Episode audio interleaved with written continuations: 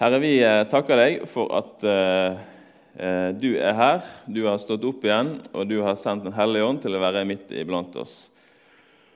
Og Vi trenger denne eh, vekslingsbrodden òg her, at du er til stede, at du eh, gjør ditt verk med din gode Hellige Ånd.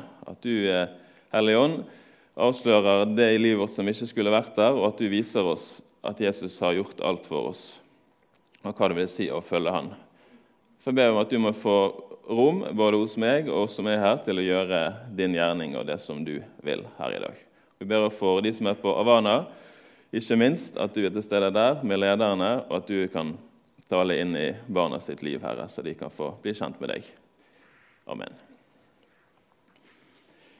Vi skal lese eh, søndagens tekst fra Lukas evangelium, kapittel 24, og fra vers 13 til og med 35. Samme dag var to disipler på vei til en landsby som het Emmaus, 60 stadier fra Jerusalem. Og De snakket om alt det som var skjedd. Mens de nå snakket sammen og drøftet dette, kom Jesus selv og slo følge med dem. Men øynene deres ble hindret i å se, så de ikke kjente ham igjen. Han sa da til dem, 'Hva er det dere går og snakker så ivrig om?' De stanset og så bedrøvet opp, og den ene, han som het Kleopas, svarte, du må være den eneste tilreisende i Jerusalem som ikke vet hva som har skjedd, hendt der i disse dager. Hva da? spurte han. Det med Jesus fra Nasaret, svarte de. Han var en profet, mektig i ord og gjerning for Gud og hele folket. Men overprester rådsherrene utleverte ham og fikk ham dømt til døden og korsfestet ham. Vi som hadde håpet at det var han som skulle befri Israel. Dessuten, i dag er det alt tredje dagen siden dette hendte. Og nå har også noen kvinner blant oss gjort oss forvirret. De gikk ut i graven tidlig i dag morges, men de fant ikke kroppen hans. De kom tilbake og fortalte at de hadde sett et syn av engler som sa at han lever. Noen av våre gikk da til graven, og de fant det slik som kvinnen hadde sagt. Men han selv så det ikke. Da sa han til dem.: Så uforstandige dere er, og så trege til å tro alt det profetene har sagt. Måtte ikke Messias lide dette og så gå inn til sin herlighet? Og han begynte å utlegge for dem det som står om ham i alle skriftene, helt fra Moses av og hos alle profetene. De nærmet seg nå den landsbyen de skulle til, og han lot som han ville dra videre. Men de ba ham inntrengende, bli hos oss, det lir mot kveld, og dagen heller. Da gikk han med inn og ble hos dem. Mens han satte bords med dem, tok han brødet, ba takkebønn, brøt det og ga dem. Da ble øynene deres åpnet, så de kjente ham igjen.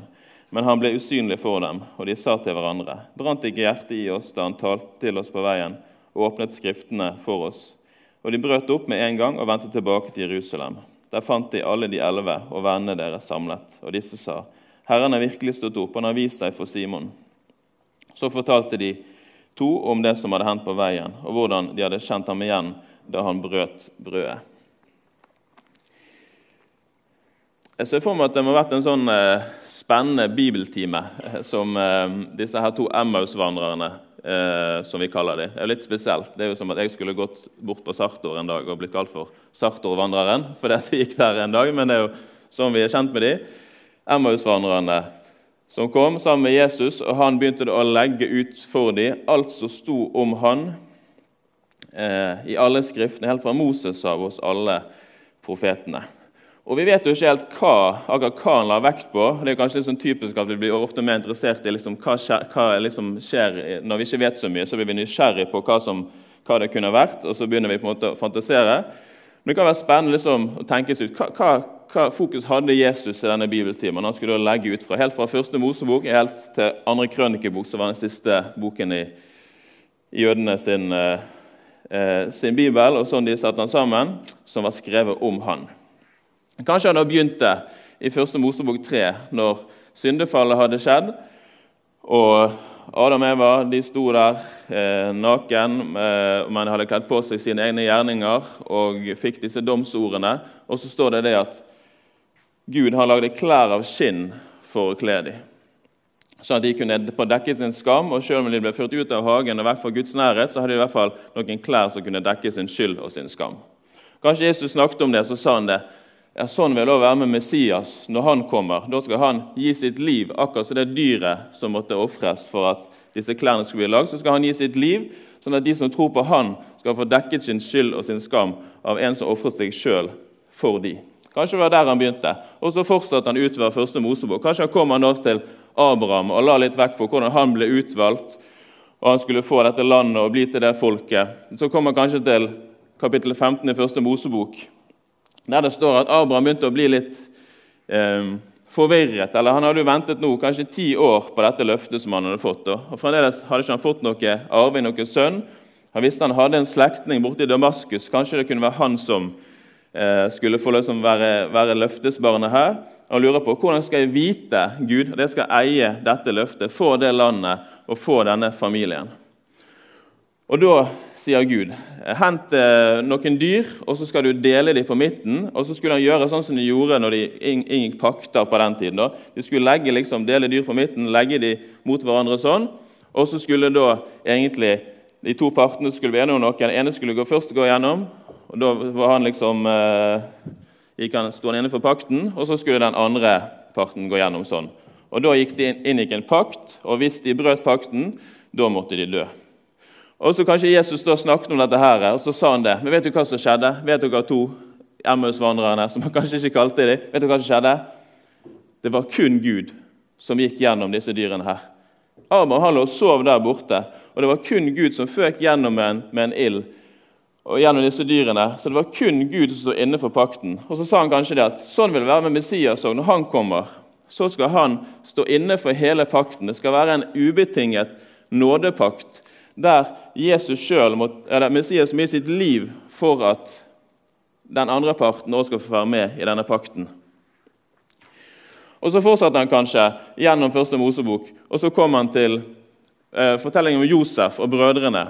Om Josef som nå ble forkastet, men kom til hedningene og ble på en måte nestleder i Egypt, som gjorde at både hedningene i Egypt fikk nok mat, og til slutt jødefolket fikk nok mat. Og Der det til slutt skjedde en forsoning mellom Josef og brødrene. Og Så sa han kanskje det at sånn vil det være Messias òg. Når han kommer, så blir han forkastet av sitt eget folk.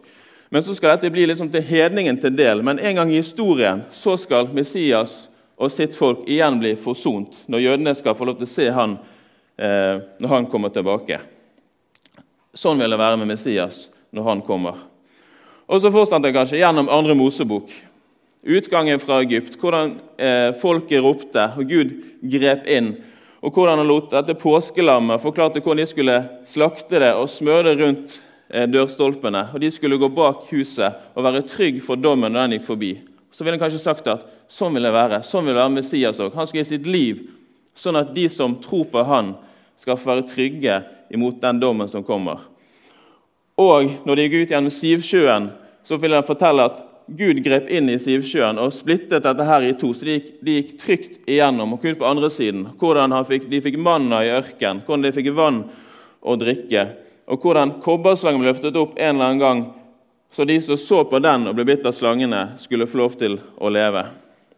Så vil jeg si at Sånn vil det være med Messias òg. Dette er ikke bare historiske hendelser som skjer for sin egen del, men det peker på noe mer der framme, om en som skal komme en gang. Og Så kommer man kanskje til en av de mest kjente historiene på søndagsskolen om David og Goliat. Og Da tenkte de kanskje de to, Kleopas og den andre. Den har vi hørt før. Den har vi hørt tusen ganger før. Vi vet akkurat hva som kommer til å skje, og mest sannsynlig kommer det til å komme et sånt poeng der han sier at du har kanskje noen Goliater i ditt liv som du må kjempe mot. Og Da må du gå imot dem med Guds kraft. Så går det bra. Men så vridde Jesus på det da, når han gikk der med disse. Han sa det at vet du hva, David han er ikke et forbilde for, egentlig for vår tro, men han er et forbilde på Messias. For når Messias kommer, så vil han gjøre det samme som David gjorde. Der han, Når han vinner, da vinner han for hele folket. For det var jo en slags kamp. sant? Goliat, hvis han vant, så vant filisterne. Hvis David vinner, så vinner eh, israelsfolket. Og sånn vil det være med Messias òg. Når han vinner, når han vant, da vinner hele folket. For han vinner i deres sted. Han er ikke et forbilde først og fremst for vår tro, men han er en som seirer for oss, sånn at de som tror på han kan få leve i hans seier. Og Sånn fortsatte han. Og Han kom til Jonah, som vi fikk lese om her i dag. Han snakket kanskje om det der Jonah-tegnet, at akkurat som Jonah var i fiskens buk i tre dager, så skal Messias stå og dø være i graven i tre dager og så stå opp igjen. Men så tok han kanskje hele fortellingen til Jonas, som er noe mer enn bare at Jonah ville heller dra til Syden eller bli misjonær, på en måte, for å ta en veldig enkelt bildepoeng ut av den der. Men det er om Guds fortelling der han i sin store kjærlighet og barmhjertighet ville gripe inn i denne byen Ninive, der alle sto han imot, men de fikk en sjanse til til å venne seg til han. Der Jonah klagde og han sa det, Gud, jeg visste at du var så god. Jeg bare visste at du var så kjærlig og så nåd.' Jeg visste at du ville frelse denne byen, men det ville ikke jeg, sier han. Men Gud viser sin kjærlighet gjennom den historien. Og Kanskje Jesus snakket om det. Sånn er Messias. Han er sånn som det. Han er sånn som elsker til og med hedningene. Han er sånn som går det, gir det lille ekstra for at alle skal få lov til å få en sjanse til å tro på han. Og Så kommer han kanskje da videre i profetene til Jesaja 53. Og så legger han ut forskjellige vers i, i løpet av det, den boken og kapitlet om denne Herrens tjener, om Messias. Og kommer til slutt til 53, så sier han at han ble jo såret for våre overtredelser, knust for våre misgjerninger. Straffen lå på han for at vi skulle ha fred. Og ved hans sår så har vi fått legedom. Og så sier han vet du hvem det er dere snakker om? Det er ikke Israel, det er ikke en eller annen profet. Det er Messias. Når han kommer, så skal han dø for folket sine synder. Og Til og med står det om han at han skal se etterkommere og leve lenge. Messias skal ikke bare dø og bli i graven, men han skal stå opp igjen og se etterkommere og leve lenge. Og Så begynner han på Salmenes bok. Kanskje de begynte å bli lei disse Emmausvandrerne. Og tenkte Salmenes bok er jo kjempestor, men så begynte han. Så kom han til Salme 2, som vi fikk sitert av den som eh, det var Peter som var i i 13, som ble lest i sted. Det er jo favoritt på en måte beviset til apostlene når de skal snakke om Messias som Jesus som sto opp igjen. Og Der Gud sier 'Du er min sønn, jeg har født deg i dag', så ser de det som et tegn på at Jesus han sto opp igjen ifra de døde. Og så snakker Jesus om det på den måten til disse Emmaus-forandrerne. Så kommer vi til Salme 22, som de sier at Jesus mest sannsynlig ba eller leste i sin helhet på korset. Ikke bare de første versene, men han la ut hele salmen, for den handler om han. Om at de kastet lodd om kappen hans, at de gjennombåret hender og føtter. Der han ropte ut til Gud og sa, 'Min Gud, min Gud, hvorfor har du forlatt meg?' Og så sier han til disse to dette her handler ikke om David, det handler ikke om en eller annen, men det handler om Messias, som måtte dø på korset, og som ble hånt av de rundt seg og som ble forlatt av Gud for at de som tror på Han, ikke skal bli forlatt. Kanskje var Jesus inne på noen av disse historiene her, der han la ut denne, hadde den lange bibeltimen, der han la ut for alle skriftene, hos alle profetene og i Mosebøkene, alt som var skrevet om han. Jeg vet ikke hva du ville sagt til de to eh, Emmaus-vandrerne eller andre som var i en lignende situasjon. Dette var på en måte Jesus sitt svar. Hvor treige dere er til tro, eller uforstandige dere er, så trege til tro alt det profeten har sagt. Måtte ikke dette skje? Måtte ikke han lide og så gå inn til sin herlighet? Og så holdt han denne bibeltimen. Jeg vet ikke hva du ville sagt. De var jo for å si sånn bedrøvet og forvirret. sant? De gikk rundt der, og de drøftet, de snakket fram og tilbake. Og de hadde en slags tro på denne Jesus, denne profeten, som nå hadde dødd, og som noen hadde sagt hadde stått opp igjen. Så tenker jeg Kleopas han hadde jo tidenes svar til Jesus, som han kanskje tenkte på senere i en eller annen menighet han var. Nå skal jeg lese fra Lukasevangeliet, og så får han høre det han sa. Du må være den eneste tilreisende i Jerusalem som ikke vet hva som er hendt der i disse dager. Så sitter han her i menigheten i Jerusalem og bare Sa jeg virkelig det? Og så har de til og med skrevet det ned. Han sa det til Jesus.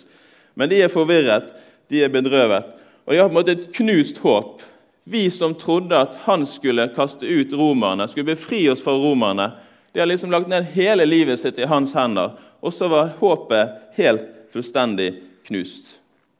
Og Jeg ville kanskje tenkt at Her er det tidenes mulighet for Jesus til å si bare ta-da, eller et eller annet sånt. Liksom, her er jo, her liksom, her er jo, Ser du i, hendene mine og i siden det er, jo, det er jo meg. og liksom, Dere ser jo vel det. Eh, og gjort seg på en måte synlig for det veldig tydelig. Men så står det at øynene deres ble hindret i å se. Og Litt seinere står det at han ble usynlig for dem. Altså han, han, han, han, gjør jo det helt det motsatte. Han, viser seg, seg fram, men Han skjuler seg, og så gjør, det, gjør han det på en annen måte. Tidenes mulighet. Og Kanskje vi kunne tenke det i dag òg, vi som sitter her, eller noen vi vet om. Vi er ikke i samme situasjon nødvendigvis, men vi kan i møte med det livet som vi lever, kan vi bli bedrøvet og forvirret. Og vi har noen knuste håp om noen ting som ikke gikk helt som det skulle her i livet. sant? Vi har noen manglende bønnesvar, kanskje. Vi kan føle det at Jesus han er langt unna. Og Vi kan kjenne oss igjen kanskje i det at noen ganger så kunne det vært tidenes mulighet. Altså Jesus hadde hatt tidenes mulighet til å bare gripe rett inn og gitt oss det svaret som vi trengte. Eh, og så ville alle sett det, hvem han var.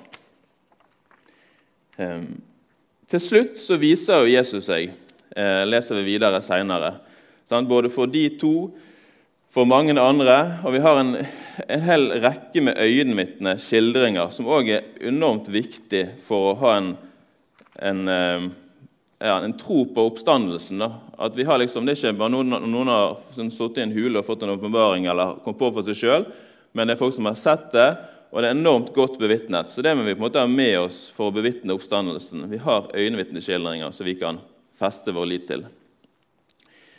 Så han, han, gjør det til slutt. Samtidig som her i denne teksten, da, um, og kanskje også i våre liv, så er det akkurat som han forbereder dem på at der dagen kommer de, der de ikke skulle se han.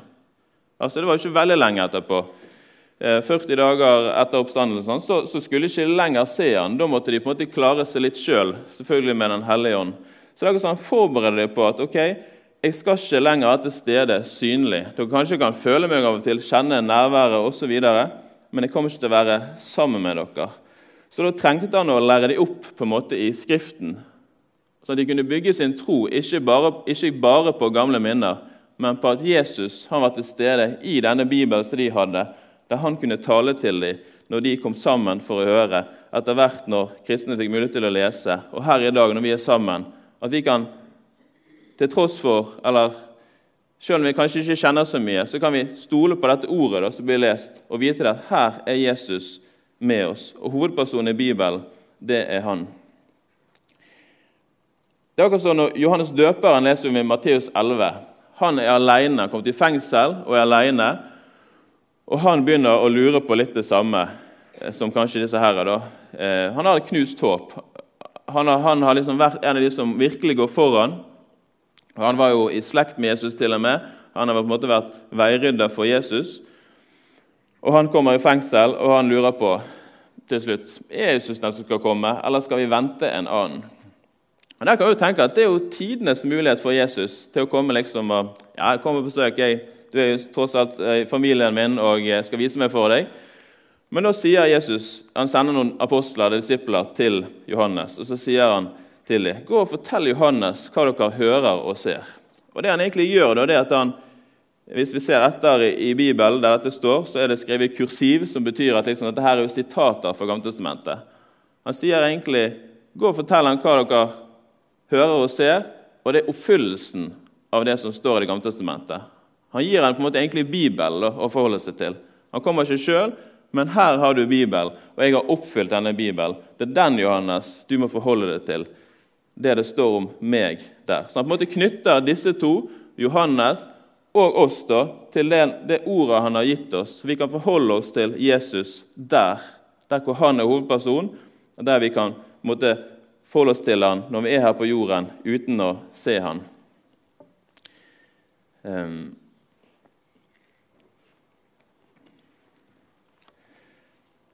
For Gud, han er trofast eh, mot sitt eget ord.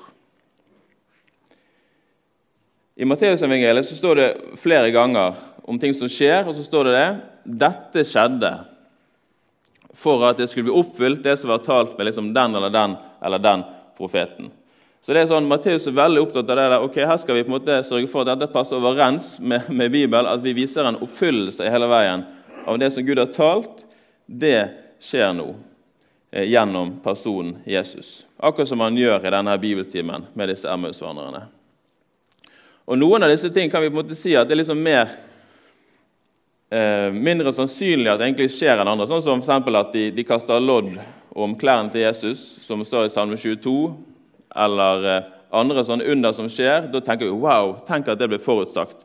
Mens andre ganger, f.eks. når Jesus da ber disiplene om å gå til den og den byen eller stedet og hente disse eslene, for han skal ri inn, så er det jo på en måte som at han leser et manus, og så forteller han dem hva det skal skje. Så Det er ikke, sånn, det er ikke samme wow-effekten. da. Men det viser oss på en måte at Jesus han er veldig opptatt av det at det han gjør, det skal stemme overens med Bibelen. Han sier at han ikke kom for å oppheve loven, men for å oppfylle den. At det ikke er en tøddel, altså en liten prikk skal ikke få gå før alt er oppfylt. Han er helt og fullt trofast mot sitt ord. Det han har sagt, det holder han. Det vil han gjøre uansett. Og så på en måte Når Jesus har denne vandringen med Emmaus-vandrerne, og også med her inne, så viser han oss til den realiteten. Du må forholde deg til ordet, for det er det Gud forholder seg til. Og det er der Gud, det er der Jesus viser seg for oss. Og så er jo Bibelen sin hovedperson eh, Han vi på en måte først og fremst skal være på jakt etter og se etter og være opptatt av i Bibelen, det er jo Jesus. Og Det er jo på en måte liksom, det er ikke noe spoiler, så det tror vi har visst til vi gikk på søndagsskolen, at Bibelen det handler om Jesus. Men det er veldig lett å komme vekk ifra det. faktisk.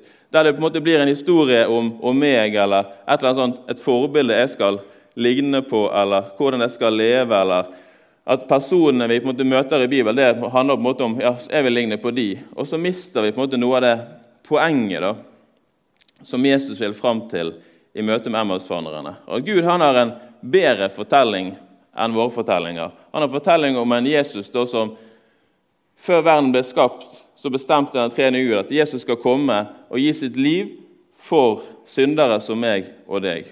Og Han skal stå opp igjen, og han skal være vår stedfortreder. Og så har han da lekket det ut gjennom disse historiene som jeg begynte med, og mange flere gjennom hele Bibelen, og viser at Bibels hovedperson og det Gud er opptatt av at vi skal feste vår lit til og være opptatt av og tenke på og tro på, det er denne Jesus som ga sitt liv og sto opp igjen i vårt sted.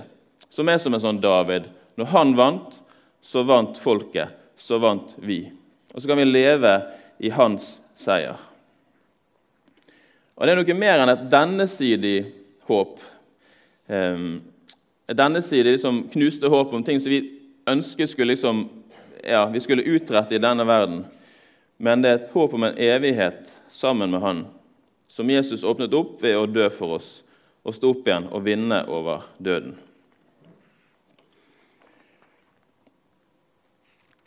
Og I slutten av eh, Lukas 24 så kommer Jesus inn på noe av det samme som han gjorde til disse Emmaus-vandrerne. Som han sier eh, i forbindelse med at han drar, eh, drar fra disiplene og skal tilbake til sin himmelske far.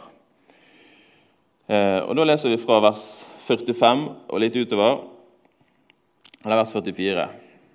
Så sa han til dem, det var dette jeg talte om da jeg ennå var sammen med dere, og sa at alt måtte oppfylles som står skrevet om meg i Moseloven, hos profetene og i salmene. Da åpnet han deres forstand, så de kunne forstå Skriftene, og han sa til dem.: Slik står det skrevet:" Messias skal lide og stå opp fra de døde tredje dag. Og i hans navn skal omvendelse og tilgivelse for syndene forkynnes for alle folkeslag. Dere skal begynne i Jerusalem. Og så sier han, dere er vitner om dette. Og se, jeg sender over dere det som min far har lovet. Men dere skal bli i byen til dere blir utrustet med kraft ifra det høye. Og så drar han etter hvert fra dem. Det har på en måte en slags oppsummering av dette budskapet fra Det gamle testamentet. Han åpner forstanden deres, endelig forstår de. Han har jo på en måte prøvd å fortelle mange ganger, men nå det, blir det på en måte åpenbart for dem. At Messias, altså Jesus, skal lide. Han skal stå opp den tredje dagen, og i hans navn skal det forkynnes omvendelse og syndens forlatelse. Ut fra dette skal det forkynnes et budskap fra Jerusalem av, som det står om bl.a. i Jesaja, der skal det begynne, og så skal det spre seg utover hele verden. Og så sier han dere er vitner om dette. Og Det er ikke først og fremst eh, vitner om, om altså, Det er ikke øyenvitner han, han snakker til her, men det er vitner om at det er dette som er den faktiske historien måte, gjennom hele Bibelen. Altså, det var det Gud ville fram til gjennom å fortelle om David og Goliat, om Jonah og forskjellige ting. Det var ikke et budskap om de direkte, men det var budskap om Jesus gjennom dette. Og de apostler og disipler hadde fått denne opplæringen nå. I hva som var hovedpersonen i Bibelen? Jo, det var Jesus som Messias. Så De skulle vitne om dette. Så når de forkynner i Frostens gjerninger, spesielt til jødene, så var det det de gikk i. De på en måte hele tiden, var, de fortalte om hva de hadde sett og hørt, men så begrunnet de det hele tiden i Det gamle testamentet, i Bibelen. Det er dette Gud har sagt for lenge siden, og nå skjer det gjennom personen Jesus. De vitnet om det de har sett og hørt gjennom hele Bibelen. Guds store fortelling om Jesus som kom for dem. Så vitner de om det, og så bruker da Gud dette ordet og vitnesbyrdet ut fra Bibelen. Der Jesus bestod, så er Ånden til stede, og så gjør han Jesus viktig og levende for dem, sånn at folk begynner å tro og begynner å følge han og ta del i det, den seieren han har vunnet for dem, og følger han og blir han lik. Og Så kan vi si det samme i dag òg, vi som er her inne. Eh, vi har et ord vi kan forholde oss til, spesielt når det er tørt og kjipt som kristen. Når ikke vi kjenner noe, så kan vi gå til dette ordet. Og så kan vi gå til et ord som ikke handler først og fremst om hva jeg og du skal gjøre, men om hva Jesus har gjort for oss. Og så skal det å være vårt vitnesbyrd utad til menneskene vi møter. Det er om en Gud som har talt, og han har talt om Jesus. Og det er Jesus Kristus. Det er der det er liv, det er der det er overflod, det er der det er frelse. Det er der det er både omvendelse og syndesforlatelse. Og det kan få være vårt vitnesbyrd dere som forsamling, uansett hvor man kommer fra her inne, der man er, så det er det som er vitnesbyrdet som Gud òg vil bruke. Om det er i et bedehus eller utenfor, så er det der han vil bruke, og det er det Ånden bruker for å skape liv og vetting, som er innledet med. Og det er der vi på en måte kan se at mennesker kan komme til tro når de får, får, eh, får gripe ordet om Jesus, sånn som Emmausvandrerne. Skal vi be til, helt til slutt? Herre, jeg takker deg for eh, det vitnesbyrdet og for den bibeltimen Jesus, som du eh, dro disse her gjennom. Og så ber vi om å få lov til å se deg, Jesus, eh, på samme måte som de, gjennom Skriften. At vi ser at dette handler ikke om, først og fremst om oss, men det handler om deg. Så ber jeg om at vi kan få noen sånne aha-opplevelser både gjennom det vi har hørt nå, gjennom det vi leser og gjennom det vi ellers får lov til å høre. Så vi kan kjenne at det brenner i hjertene våre, og at vi kan få en sånn trang til å kunne dele deg, Jesus, videre. Så takker vi for at ditt ord det virker òg i dag. Det er noe som du, Hellige Ånd, bruker. Og hjelp oss til å stole på at det virker, Herre. Når vi forkynner om deg, Jesus, så kommer du, og så gjør du din gjerning. Amen.